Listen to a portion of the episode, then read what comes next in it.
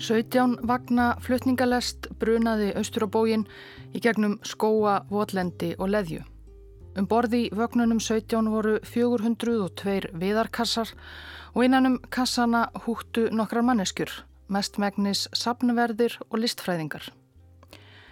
Þetta var mánaðamótin júni-júli 1941, setni heimstyrjöld. Rúmri viku fyrr höfðu þjóðverjar ráðist á sína fyrrum bandamenn í Sovjetríkinum Граждане и гражданки Советского Союза. Sovjíski utaríkisráþurann Molotov tilkynnti þjóðinni fyrirvaralösa innrás þjóðverja í útvars ávarpi 22. júni. Umsjöfalaust var farið að vinna að vörnum fyrstu sovjesku borgarinnar sem yrði á vegi innrásarhersins Leningrad við Kirjálabotni í Eistrasalti. Gamla Pétursborg, borgin sem Pétur Mikli hafi látið reysa í upphafi átjóndu aldar til að sína mátt hans og Rúslands. Borg sem státaði af ótalmörgum höllum, kirkjum og söpnum sem innhjeldu feikilegan fjölda ómetanlegra listaverka, málverka, skulptúra, íkona. Það voru þau sem voru í kossunum 402. Fljótlega eftir einrásina hafi verið tekin ákvörðun um að pakka niður gerðsemum Leningrad og flytja í vonandi örugt skjól austur í Sýberju. Færi allt á versta vegverði listinni bjargað allt jænt. Einn af þeim sem hjekk utan í kössunum í flutningalestinni var ungur maður að nafni Anatóli Kutsumov, sapnvörður í Katrínarhöll sem eitt sinn hafi verið sumarhöll keisarættarinnar í Tsarskoji Seló, réttum 30 km söður af Leningrad en sovjetstjórnin hafi gert að sapni. Kutsumov hafði bara fengið örfá að daga til að tróða ómetanlegu sapni hallarinnar niður í viðarkassa og ferja um borði lest. Nú var hann á leið með sapnkostinum til Sýberju og hver vissi hver lengi hann erði þar. En eitt nagaði hann, alla ferðina og átti eftir að gera allan þann tíma sem hann var í útleðinni. Í flítinum hafði honum ekki tekist að pakka niður alveg öllu. Eitt allra dýrmætasta listaverkið í hans umsjá hafði hann neðst til að skilja eftir. Þjóðverjar nálguðust óðum og verkið myndi Anatóli Kutsumov aldrei sjá aftur.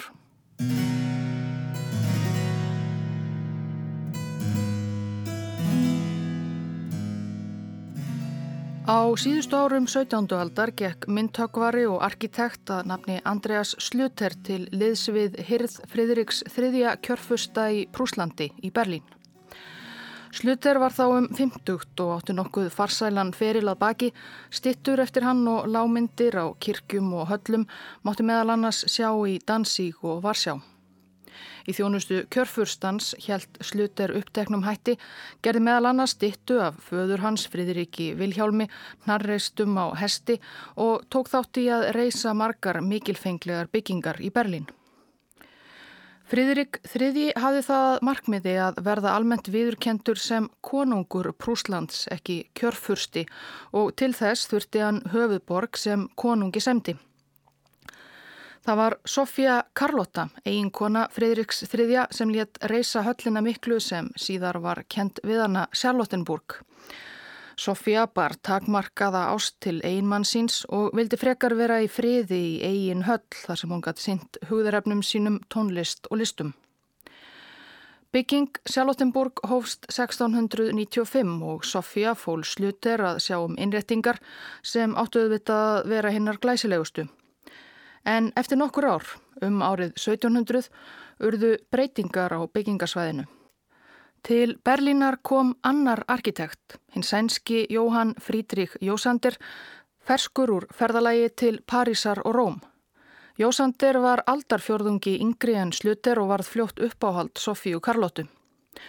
Honum var falið að leggja loka hund á innréttingar Sjálfottenborgarhallar en Slutter var að láta sér næja að sjá um viðgerðir á Berlínarhöll sem stóð þar sem nú heitir Sapnæja í miðborg Berlínar en svo bygging var eðilögð í setni heimstyrjöld. Allt bendir til þess að Slutter hafi verið nokkuð ósáttur við að Sofía Karlotta tæki unga sænska arkitektin fram yfir sig og til að vinna hug hennar á ný hefur hann ákveðið að skapa eitthvað alveg einstakt í Berlínarhöllu sem myndi skikja á hvað það sem svíjanum ditti í hug í Sjálfóttinburg. Lausnina fann hann í kjallara Berlínarhallar þar sem hann datti niður á kistur á kistur ofan af litlum gulleitum mólum hið svo kallaða gull eistrasalts eins rándýrt og það var æfa gamalt raf.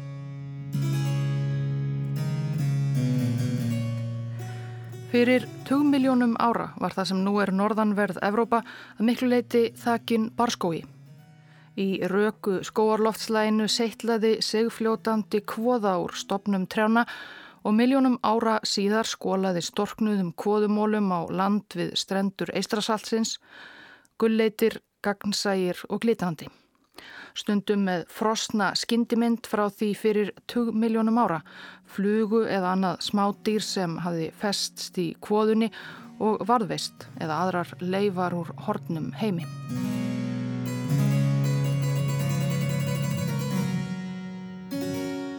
Sluter þekkti þetta efni raf vel frá dögum sínum í Dansík við strand Eistrasalts en aldrei hafði hann séð efnið í svo miklu magni á einum stað Yfirleitt voru rafmólar notaðir í litla skartgripi en það eins fallegir og þeir voru rán dýrir. En þarna í kistunum var nóg af rafi fyrir eitthvað miklu stærra. Og það var líklega þarna í kjallara Berlínarhallarinnar sem Andreas Sluter fekk hugmyndina að rafherberginu.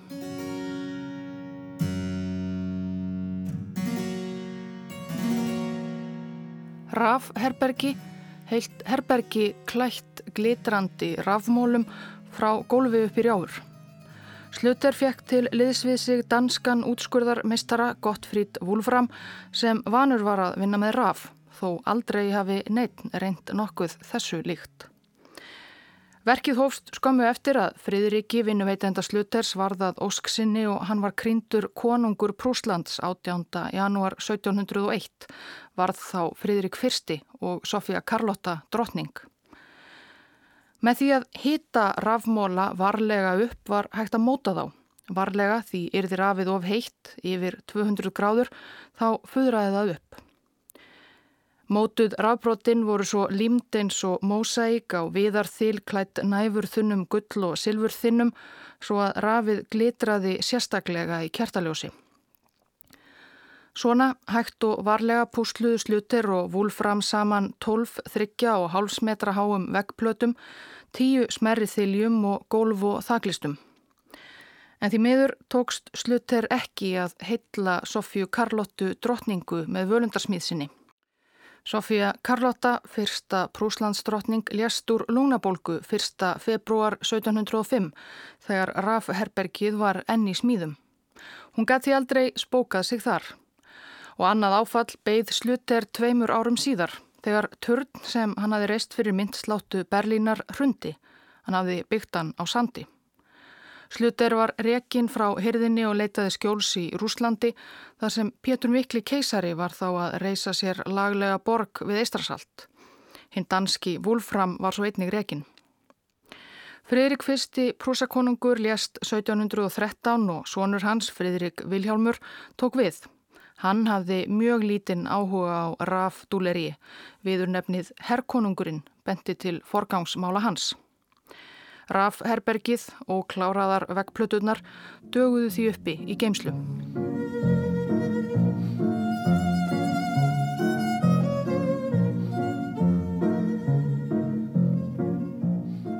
Í november 1716 þinguðu þeir tveir Fridrik Vilhjálmur Prúsakonungur og Pétur Mikli Rúsakeisari í Potsdam. Svo konunglegum mannamótum fylgdu jafnan miklir hofsýðir og prjál og til síðs var að gefa ríkulegar gjafir. Fridrik Vilhjálmur var hins vegar sparsamur og vildi síður eigða um of, peningum sem hann gæti til dæmis varið í að byggja upp hersinn. Til allrar hamingu fann hann því í geimslum sínum tvær príðilegar gjafir sem hann sjálfur hafði engan áhuga á. Önnur var gömul snekja föður hans, Líbúrníka, sem var glæsileg á að líta úr fjarska svo að Pétur Mikli var hæst ánaður en reyndist í svo lélegu ásíkumulagi að hún söknæstum þegar sjóarar keisarans sildu henni frá Hamburg og fór þaðan beint í slip. Hinn gjöfin var þó enn sniðugri. Dálæti Pétur Smikla á Eistrasaltsgullinu Rafi var vel þekkt og í kjallara í Berlín lá Rafherbergi Sluters og Wolframs enn óklárað í kossum. Því ekki að senda það til keisarans. Kæra Katrín, hjartans vinkona. Pétur Mikli í brefi til konu sinnar 17. november 1716. Langað að segja þér að heimsók mín hefur verið mjög gagleg. Við förum hérðan í dag og með Guðs hjálp sé ég þið bráðlega. P.S. Prúsakonungur gaf mér ansi stóra gjöf.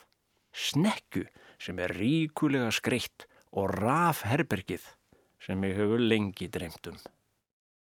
Pétur gaf Fridriki á móti bara 36 gulldúgata og einn safala.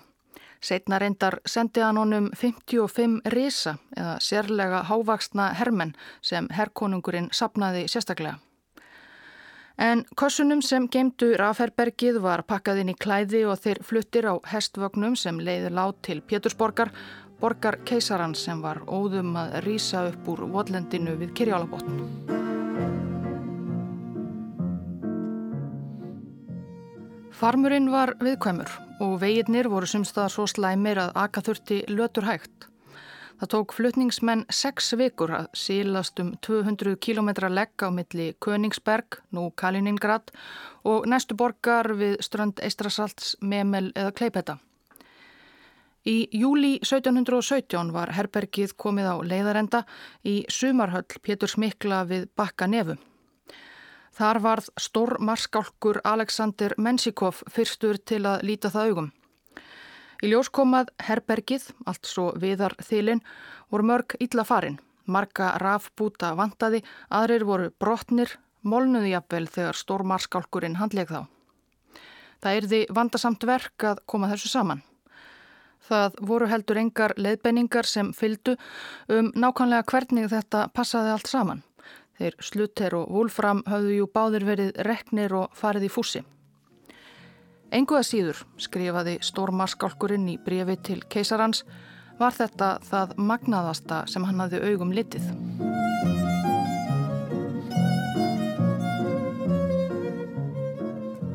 Pétur Mikli fekk þó ekki að sjá Raf Herbergið fullgert.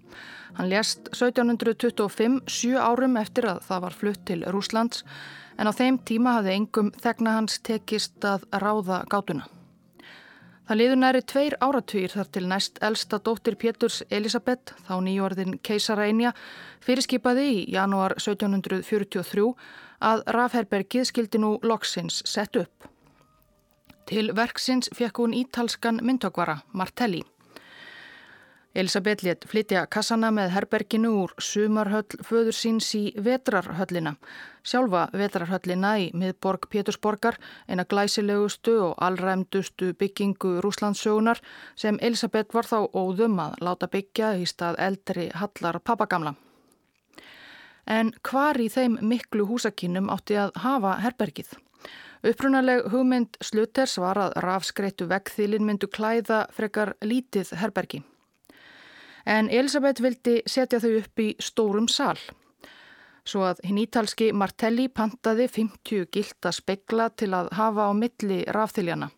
Honum tókst þannig að pústla herberginu saman en það var ekki fyrir full búið haustið 1745 en að keisarænjan Stór Hrifin á hvaða hún vildi frekar hafa herbergið við hliðina á söfneberginu sínu.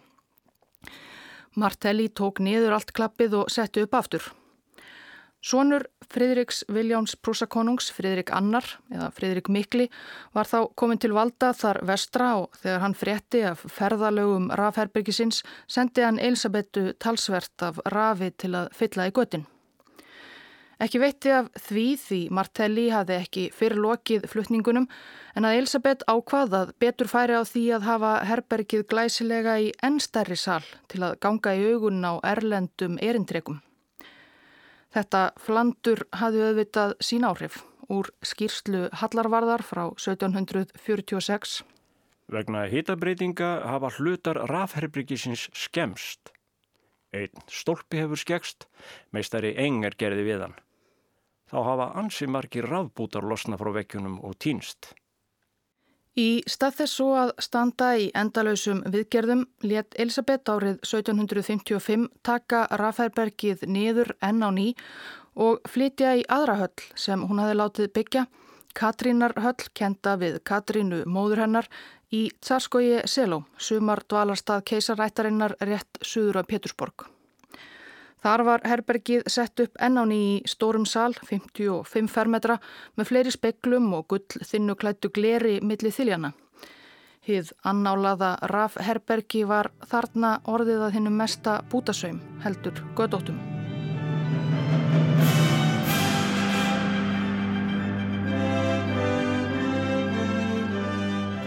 22. september 1762 var krynd við aðtöfn mikla í einni af domkirkjum Moskvu keisarænja alls Rúslands hinn 33 ára Katrín Önnur sveipuð skikju úr 4000 safalaskinnum með 2 kílóa demantskrúnu á höfði. Katrín hafði bólað manni sínum dóttur sinni Péturs Mikla, hinnum óhæfa Pétri Þriðja frá eftir hálft ára á valdastóli og skildi nú tekið til hendinni. Hún átti eftir að sitja í 34 ár og auka svo veg og veldi Rúslands að hún vitanlega varð Katrín Mikla.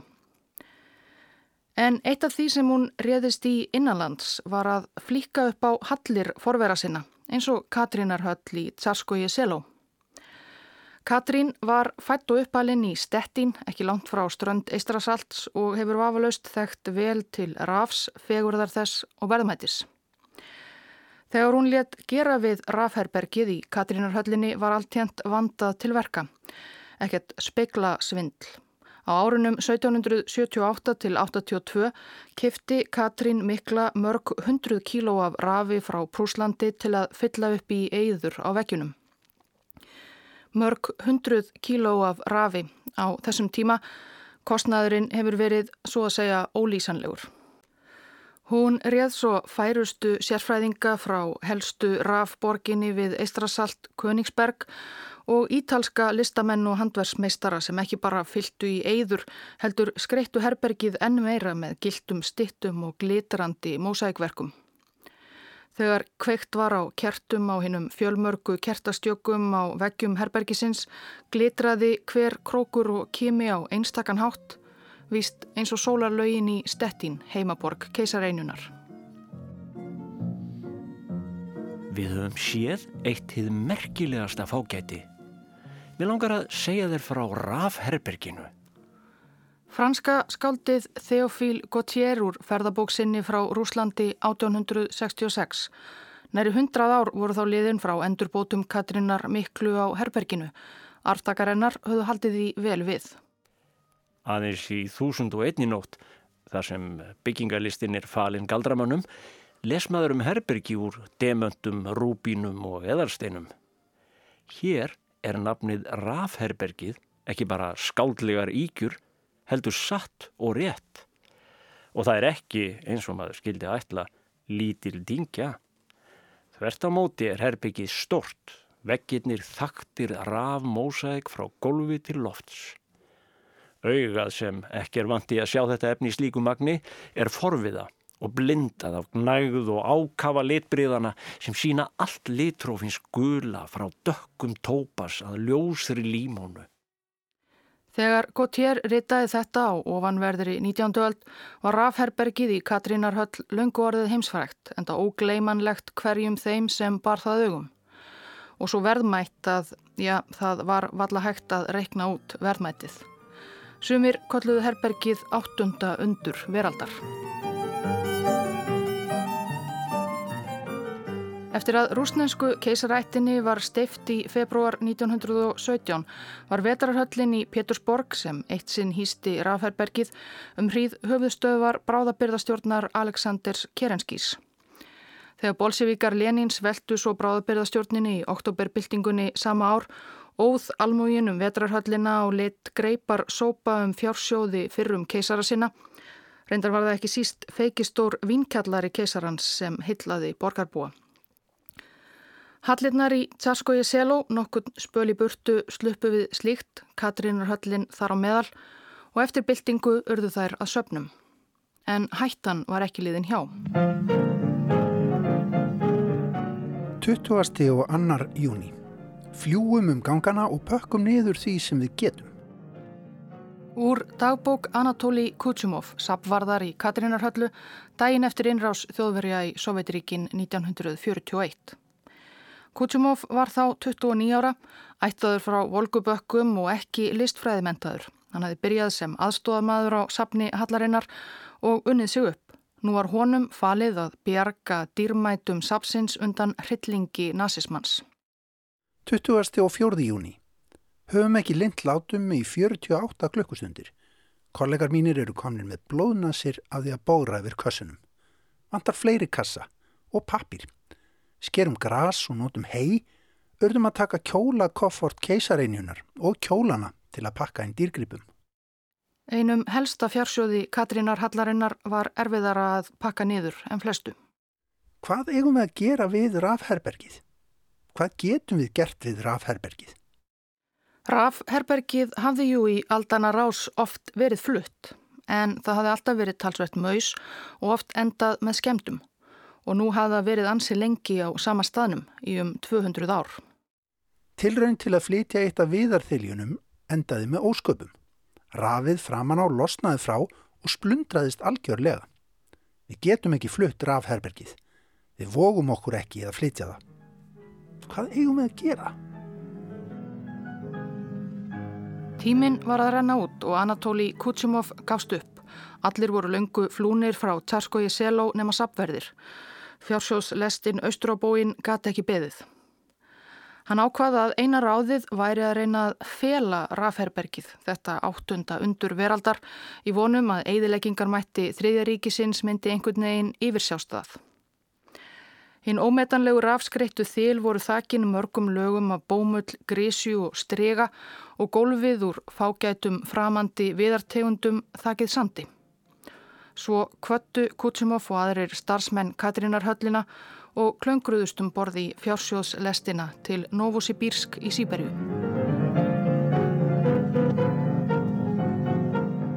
Anatóli Kutsumov var í Novosibirsk í 2,5 ár. Sjálf Leningrad fjall aldrei. Borgarbúar þreyðu eitt lengsta umsátur mannkinsögunar. Þjóðverjar sátu um borgina í tæp 2 ár og 5 mánuði. Ekki er hér tími til að tíunda þær þjáningar sem íbúar Leningrad máttu þóla yfir þennan tíma en þann er ólýsanlegar.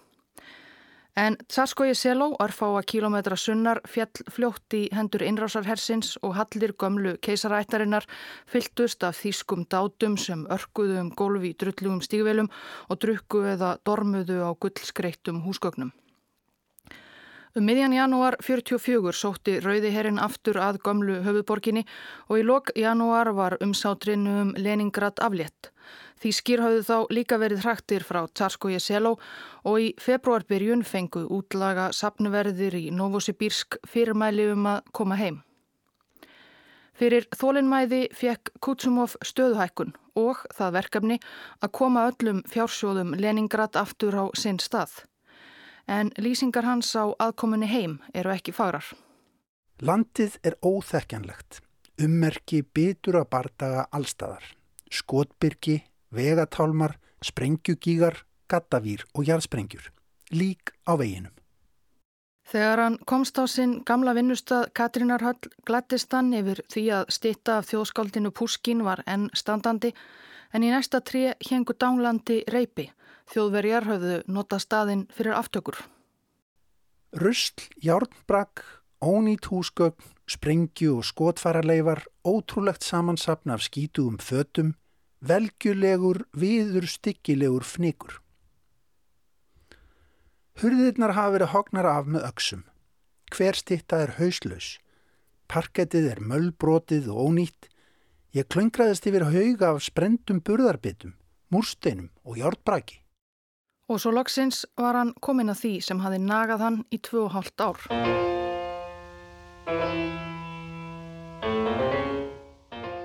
Og þar var ekkert. Í salnum þar sem einu sinni hafi verið áttunda undur veraldar var ekkert nema sótugir innriveggir. Rafherbergið var horfið.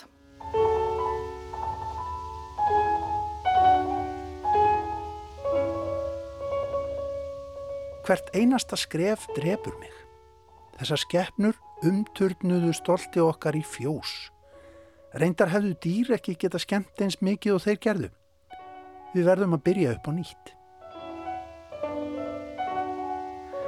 Auðvitað höfðu þjóðverjar ekki látið blekkjast af amatörlega strigaklætum veggjum og söndugu golfi mitt í einni glæsilegustu höll Rúslands.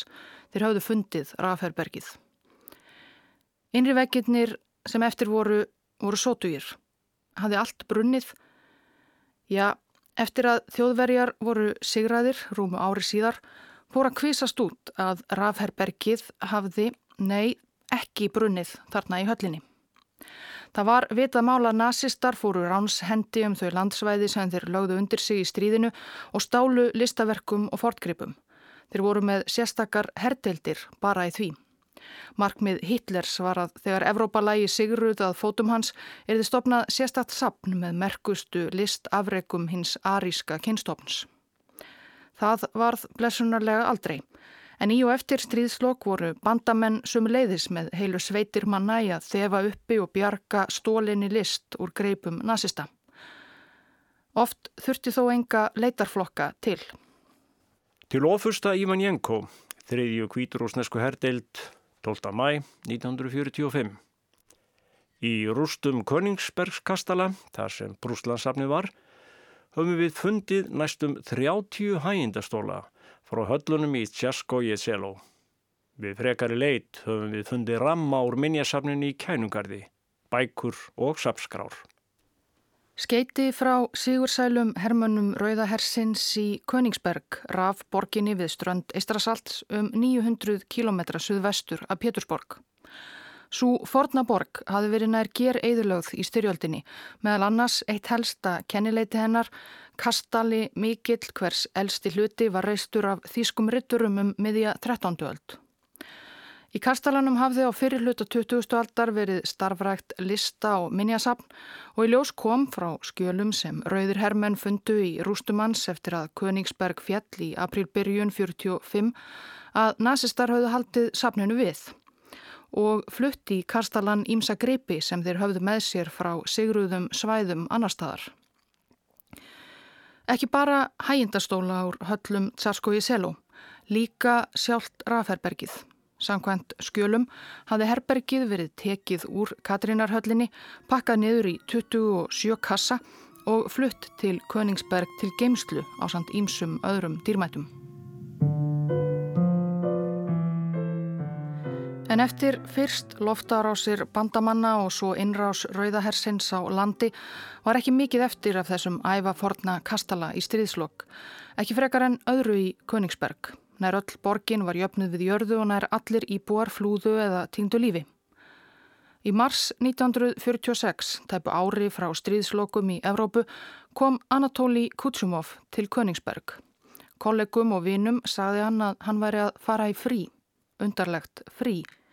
Í raun var hann að leita að fjársjóðunum sem hann hafi skilið eftir þegar hann hörfaði frá Katrínarhöll fimm árum fyrr, Rafherberginu. Königsberg var enn svo að segja rústi reynar. Norður Álma Kastalans var svo sem hafi sloppið hvað best en hún var samt svo að segja brunarústir einar. Á efri hæð Álmunar hafi verið stór salur, svo kallaður rittarasalur.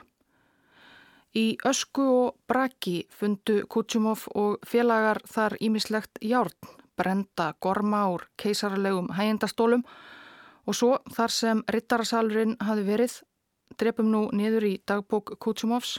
Það eru þaktar þremur lögum af ösku, skaðbrendar og aflitaðar, en við fundum þrjár stein mósækmyndir sem eitt sinn prýttur af herbergið. Fjórar mósækmyndir sem áttu að tákna skilningarvitin hafði Katrín mikla pantað af ítölskum listamönnum sínum við viðgerð Raferbergisins og þarna voru sem sé þrjár. Engu tíman hafði Raferbergið allavega hluti þess verið þarna. Frásagnir ímsa vittna stötu þetta. Í rittarasalnum höfðu verið geimtir margir viðarkassar af einhvers konar listmönnum. En Kutsumov fann ekkert meira ekki neina aðra muni sem fylltöðu innréttingum herbergisins og ekki einn einasta skadbrendan rafmóla. Það gati ekki verið, hugsaði hann og tilkynnti yfirbóðurum sínum í Moskvu að rafherbergið hefði brunnið. Það gati ekki verið. Það gati ekki verið annað en að þjóðverjar, þegar bandamenn nálguðust Königsberg og allt stemdi í óefni, hefðu flutt rafherbergið burt og faliða. En hvar var það þá?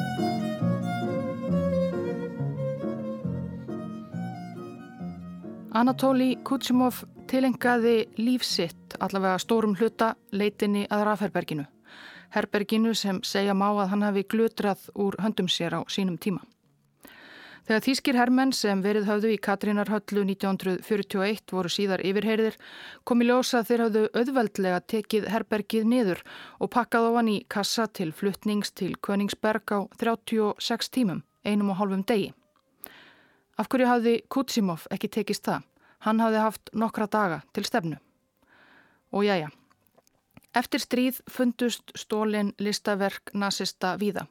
Í byrgjum, í engasöfnum almennra borgara, falin í námagöngum í Þýskalandi, Pólandi. Hinn ómetanlega alltaristabla frá Gent var geimt í saltnámu sem dæmi. En hverki fannst Raferbergið? Þegar áleið var það svo ekki bara Kutsimov sem leitaði. Þetta var áttunda undur veraldar og það var mörgum kapsmál. Á áratugunum eftir stríðslokk rannsökuðu bæði yfirvöld í Sovjetríkunum og í hinnu Sigraða Þískalandi, allavega austurhlutanum, aftrif Raferbergisins. Kutsumov gekk lengi erinda Moskvu og ferðaðist um Evrópu þvera og endilanga í leitinni. Yfirheyriði hérna á þessa og skimaði ofan í námagöng og niður í Sprengjubyrki Königsberg og víðar. Austurþíska leinithjónustan allræmda Stasi var á meðan með sína eigin rannsókn því upprunalega hafði Raferbergið jú verið þýst. Eftir grenslanir þessar báru lítinn árangur. Þessi saga er öll rakin í miklum smáatriðum í bókinni Amberrum eftir frækið tvíegi breskara rannsóknarblaðamanna Kathy Scott Clark og Adrian Levy sem kom út 2003.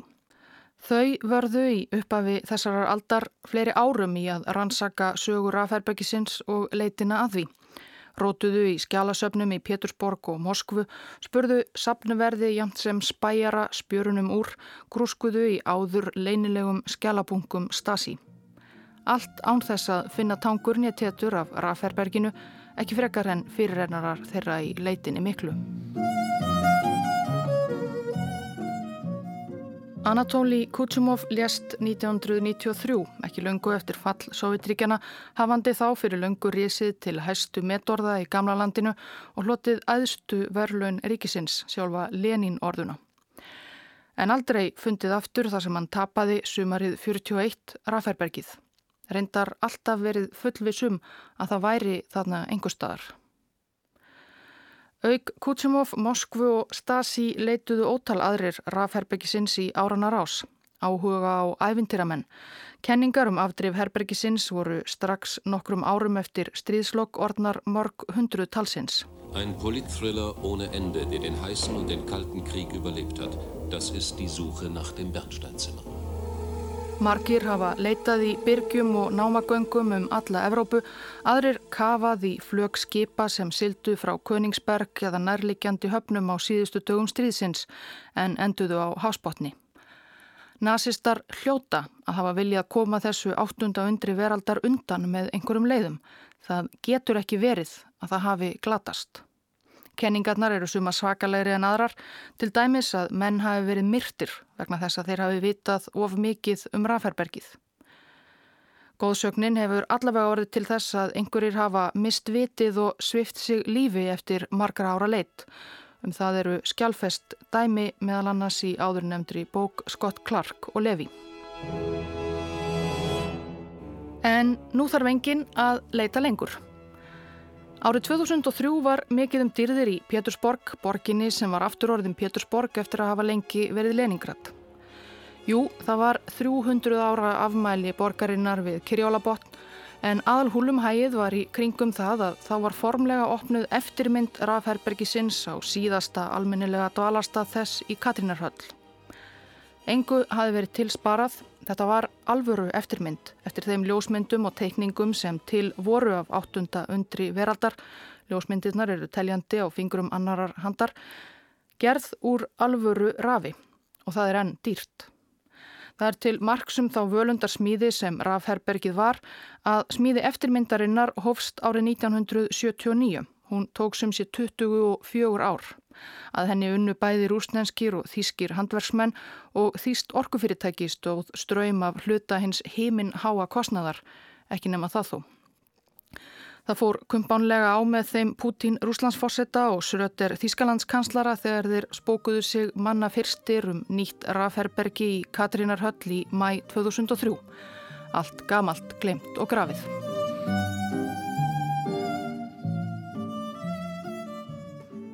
Eftir mikinn eldingalegg sem í bókinni tekur mörg hundruð vissulega spænandi síður mynduðu áðurnemdir breskir bladamenn Scott Clark og Levi sér kenningu um afdrif rafherbergisins hins upprunalega. Það var hægra sagt en gert að fá skjöl úr rúsnenskum skjálasöpnum þarna um aldamótin 2000. Skjöl sem áttuð að vera til þau fundust ekki eða þá að þau bárust bladamönnunum seint og óreglulega. Að lokum fengu þau þó að fara í gegnum talsvert af persónulegum skjölum Anatóli Kutsimovs frá leitans að Raffærberginu. Leitinni sem hafi endað, já, hafiði eiginlega aldrei endað, ekkert að Raffærbergi. Meðal annars fengu þau sent og um síðir í hendur minnispunkta frá rannsóknarleiðangri Kutsimov til Königsberg í mars 46. Þar sem hann hafði fundið þrjú íllafarin sviðin steinmósæk í brunarústum þess sem einu sinni hafi verið rittarasalur Königsbergs kastala, en korki tankurni tettur af rafi nýja öðrum gripum. Kutsumov rætti þó líka við fjölda fólks í Königsbergum minningar þess frá komu Rauðahersins. Meðal annars innfættan mannað nafni Pól Færabend Hann hafi verið verðt á veitingastað sem nazistar ráku fyrir hermenn sína þar sem áður var pyntingaklefi Königsbergs kastala á fyrstu hæð beint undir rittarasalnum. Færabend sagði Kutsimov að þegar innrás sovjetmanna hófst hafi allir þýskir herfóringjar þegar verið á bak og burt. Hann sjálfur klifraði upp í törn og veifaði kvítum dúk til að bóða uppgjöf hans, kokkahans og þjóna. Þá, sagði Færabend, lág rafherbergið enni kössum í rittarasalnum. Það myndi hann vel en það voru þetta töyir kassa. Kastalinn var svo tekinn af rauðahernum án mótstuðum. Færabend slapp með skrekkin en þurfti að leggjast inn á spítala í einhvern tíma af öðrum ástæðum. Þegar hann kom aftur heim, þetta sagði hann Kutsumov sem sé ári síðar, hitti hann Alfred Röte gamlan forstuðumann Minjasapsins í Königsbergskastala sem hafi unnið með nazistum en sloppið billega eftir fallið. Röti tjáði honum að veitingahúsið hans hefði brunnið á samt allir í norður álmu kastalans þar á meðal rittarasalnum þar sem rafherbergið var geimt. Sum sé brunnið eftir að hann fór á spítalan, eftir að Königsberg fjall í hendur rauðra. Kutsimov heyrði þetta og skrifaði niður en af einhverjum ástæðum lagði hann ekki trúnað á vittnisspurð Færabends, taldi hann óáreiðanlegt vittni. En hvers vegna? Það sem Færabend sagði þýtti að Norður Álma Kastalans hafði ekki brunnið eftir loftárás eða bardaga.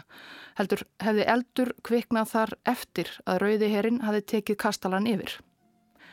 Hvers vegna höfðu hermenn kvikt í því sem eftir var af Kastalanum rittarasalnum einhvern veginn, klúður, bríari, fyllir í eða til að hilma yfir að þeir, óbreyttir, soltnir dátar, höfðu fundið tugi kassa af ómetanlegum dýrgripum og látið um þá greipar sópa.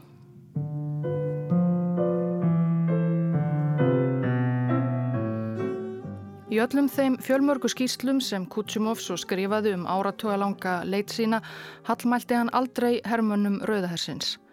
Það voru þjóðverjar sem enga virðingu báru fyrir menningarverðmætum óvinarins en jáfnvel verstu ungu bonda svona durgatnir í rauðahernum þeir kunnuð að meta gildi menningar og listar.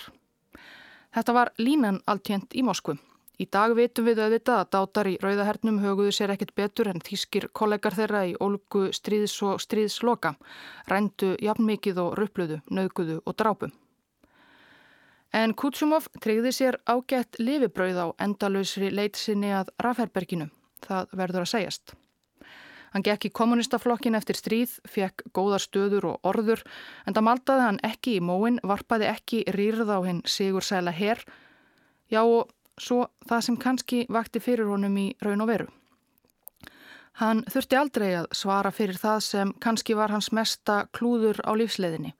Í lok júni 1941 hafði hann 29 ára óreindur ungur sapnvörður gefist upp á því að reyna að taka dýrmætasta sapngripsinn niður og koma honum í örugt skjól. Það var jú þess vegna sem Raferbergið glataðist og hefur aldrei fundist aftur. Hver sá sem í dagferð til Pétursborgar getur borið augum Raferbergið í Katrínarhöllinni í Tjaskogi Seló. Eftir líkingan úr alvöru efni sem handversmenn strittuðu við í næri 30 ár. Svo að saga eftirlíkingarinnar er kannski ekkert síðri en frummyndarinnar. Kutsumov okkar gaf út litla bókum, svo að segja ævilanga leit sínaðar aðferðberginu 1989. Hann var þá 77 ára og 84 ár eftir ólifið. Og hvaða skoðun sem við í dag höfum á starfi hans skulum við leifa honum að eiga loka orðin. Rafherbyrgið hefur ekki dáið. Þetta meistarverk, það getur ekki hafa verið eðilagt vísvitandi. Það eru enn margir felustæðir sem nazistatnir skildu eftir í Þýskalandi, Östuríki og annar staðar sem við höfum ekki fundið. Það er bara spurningum hvenar það finnst, fyrir tilviljun eða eftir langa leit.